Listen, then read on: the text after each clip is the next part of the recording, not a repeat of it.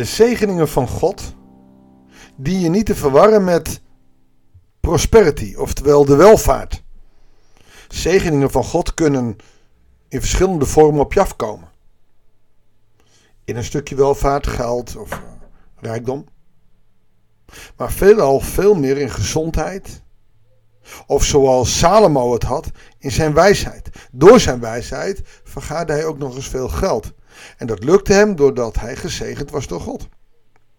Daar heeft Salomo overigens wel voor moeten werken. Hoewel hij koning was en voor zich liet werken, bedacht hij plannen en was hij ermee bezig. Ook koningen werken. En die twee dingen worden nog eens door de war gehaald. Als je gezegend wordt door God, of de prosperity dat als je gelooft, dan zul je gezegend worden. Of dan zul je rijk zijn, dan zul je. En dat, want, want die zegening krijg je wel, maar de, de, de, de welvaart, dat staat eigenlijk nergens in de Bijbel dat dat zal gebeuren. Hoewel deze psalm, die we gaan lezen, daar wel een beetje naar ging. Goeiedag, hartelijk welkom bij een nieuwe uitzending van het Bijbels dagboek. Gelukkig de mens die ontzag heeft voor de Heer. Er staat boven halleluja. Dat is een beetje vreemd. Psalm 112, die uiteraard op 111 volgt, is waarschijnlijk ook door dezelfde schrijver als Psalm 111 geschreven. We weten niet wie het is. Qua stijl en inhoud lijken ze op elkaar. Het zijn allebei acrostigons. Acrostigons wil zeggen dat ieder uh, zin begint met een letter van het alfabet op volgorde. Dus een alef, een beet, gimel, dalet, hey. Dat zien we niet meer terug in um, de Nederlandse tekst. Want het begint met gelukkig. Uh, tweede zin zijn nageslacht. Rijkdom en hij. Dus de G, Z, R, H. Een vreemd alfabet. Nee, dat gaat dus om de Hebreeuwse tekst.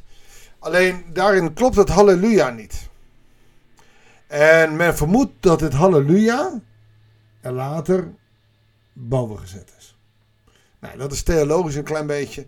We gaan kijken wat dit zeggen wil. Gelukkig de mens die ontzag heeft voor de Heer. Het gek is, gelukkig staat niet in het Oude Testament. Uh, in de oudere vertaling staat wel gelukzalig of zalig de mens die ontzag heeft voor de Heer. Het grappige is in, de, uh, in het Hebreeuws staat er rijk gezegend.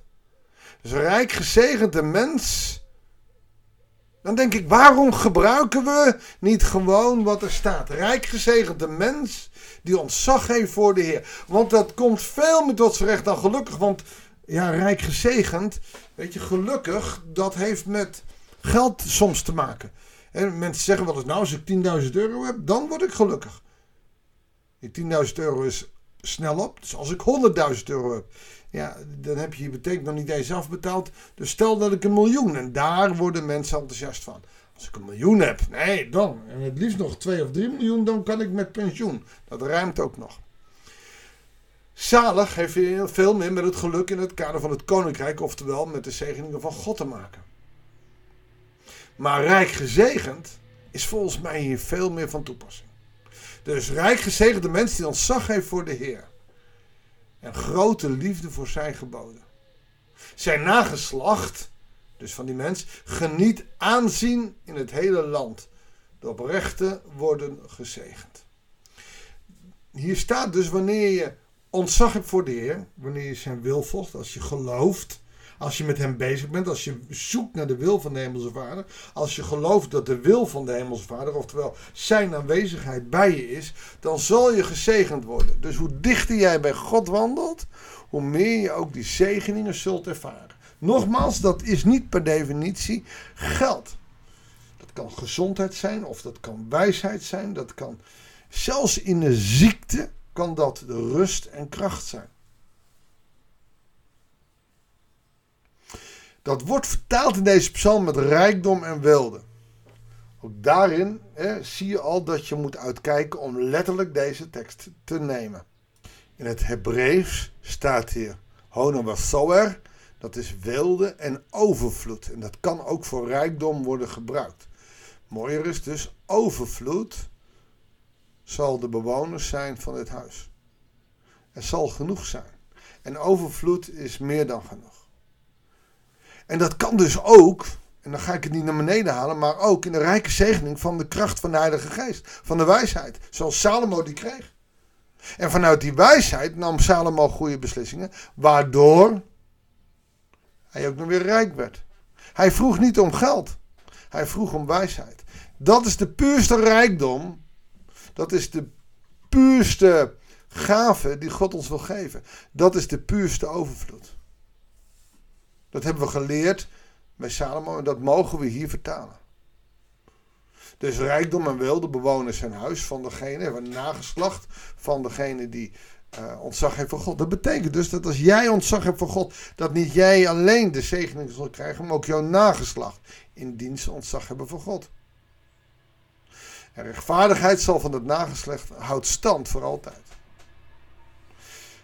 God, dat is Gods rechtvaardigheid. Hij straalt voor de oprecht als een licht in het duister, genadig, liefdevol en rechtvaardig. Je wordt dus gezegend.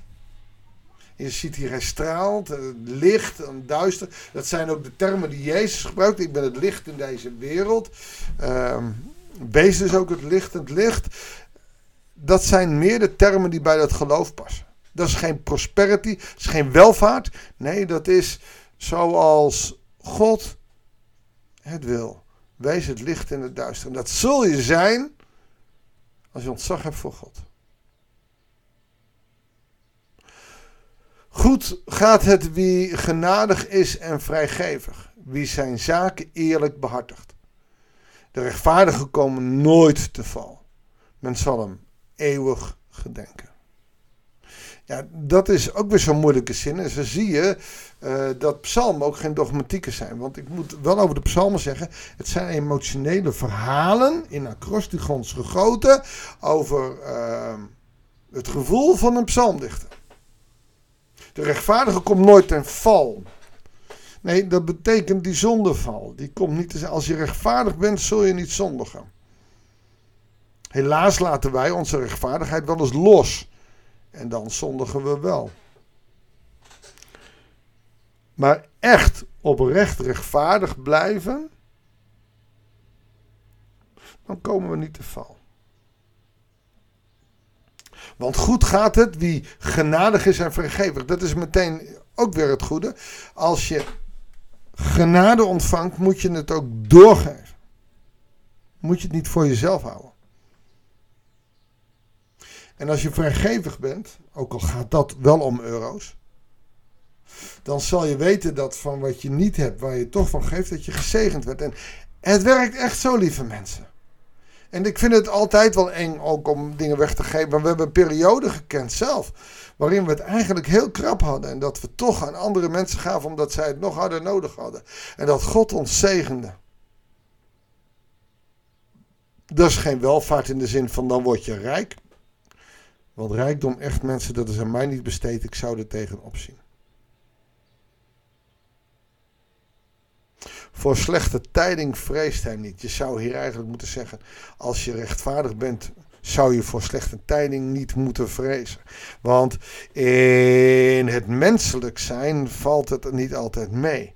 Maar we mogen er wel in groeien. We mogen ervan leren dat rechtvaardige mensen niet hoeven te vrezen. Ons hart mag gerust zijn. Waarom? We vertrouwen op de Heer.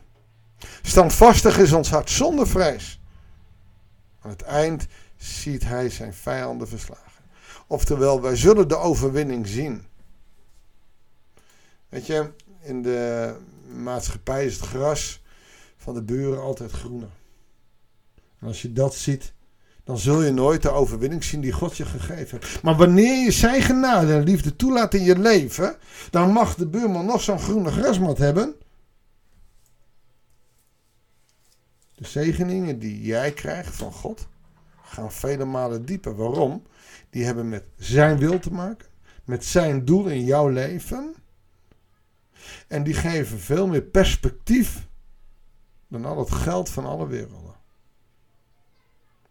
En je ziet ook bij Salomo, daarom haken we erop terug en gaan we ook binnenkort weer met Salomo aan de gang, dat hij niet geeft om geld en dat hij dat uitgeeft aan schulden. Hij maakt uh, gouden schulden. Nou, als je op je geld zit, dan leg je dat in een uh, schatkist en dan maak je er geen schild van die in de strijd beschadigen kan, waardoor je goud kwijtraakt. Hij doet het wel. Hij laat uh, strijdwagens maken. Hij investeert. Hij gaat niet op zijn geld zitten, want hij weet het is toch niet van mij.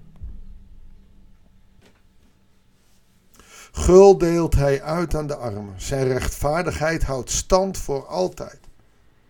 Hij zal stijgen in aanzien en eer. Kwaadwilligen zien het met ergernis aan. Ze verbijten zich en verliezen de moed. Al hun plannen gaan op in rook. Nou, hier zie je twee dingen: de rechtvaardigen en de armen. Uh, zijn rechtvaardigheid houdt stand. Voor altijd zal hij stijgen in aanzien en eer. Daar staat dus niet, je zal rijk worden, je zal gezond worden, je zal geweldig zijn, je zal geen last meer hebben van je spieren, je zal geen rast hebben van je rug, je zal geen kanker meer hebben, je zult, nee niks. Er staat aanzien en eer, oftewel God zal erbij zijn, ook in je, juist in je ellende. Maar de kwade, ze zien het met ergernis aan. Want zij willen dat jij ten onder gaat aan jouw kwaad. Aan, jouw, aan hun kwaad, aan jouw ellende. Ze verbijten zich. Dat is zoiets als Romeinen 12. Dat wanneer je je vijanden lief hebt, je rokende kolen op hun, en kolen op hun hoofd legt. Hun plannen gaan op in rook, maar die van de rechtvaardige niet, want hij heeft perspectief in de Heer. Nou, een psalm waar ik helemaal in opga. Uh, ik heb zojuist besloten, zeker voor de luisteraars in, uh, uh, in de gemeente waar ik werk. Ik denk dat ik zondagavond hier uitpreek. Ik vind hem mooi, reëel. En ik ga er nog eens wat dieper op in. voor nu wil ik heel kort met je bidden, want we zitten al op 12 minuten. en dat is niet volgens de regels die ik heb gesteld. Ik wil een zegenend gebed over je uitspreken. Mogen de Heer je zegenen. Midden in de ellende waarin je leeft of de welvaart waarin je je nu bevindt. Mogen zijn genade en zijn liefde met je zijn. In Jezus' naam. Amen. Het gaat je goed, zegen en graag tot de volgende uitzending van het Bijbelsdagboek.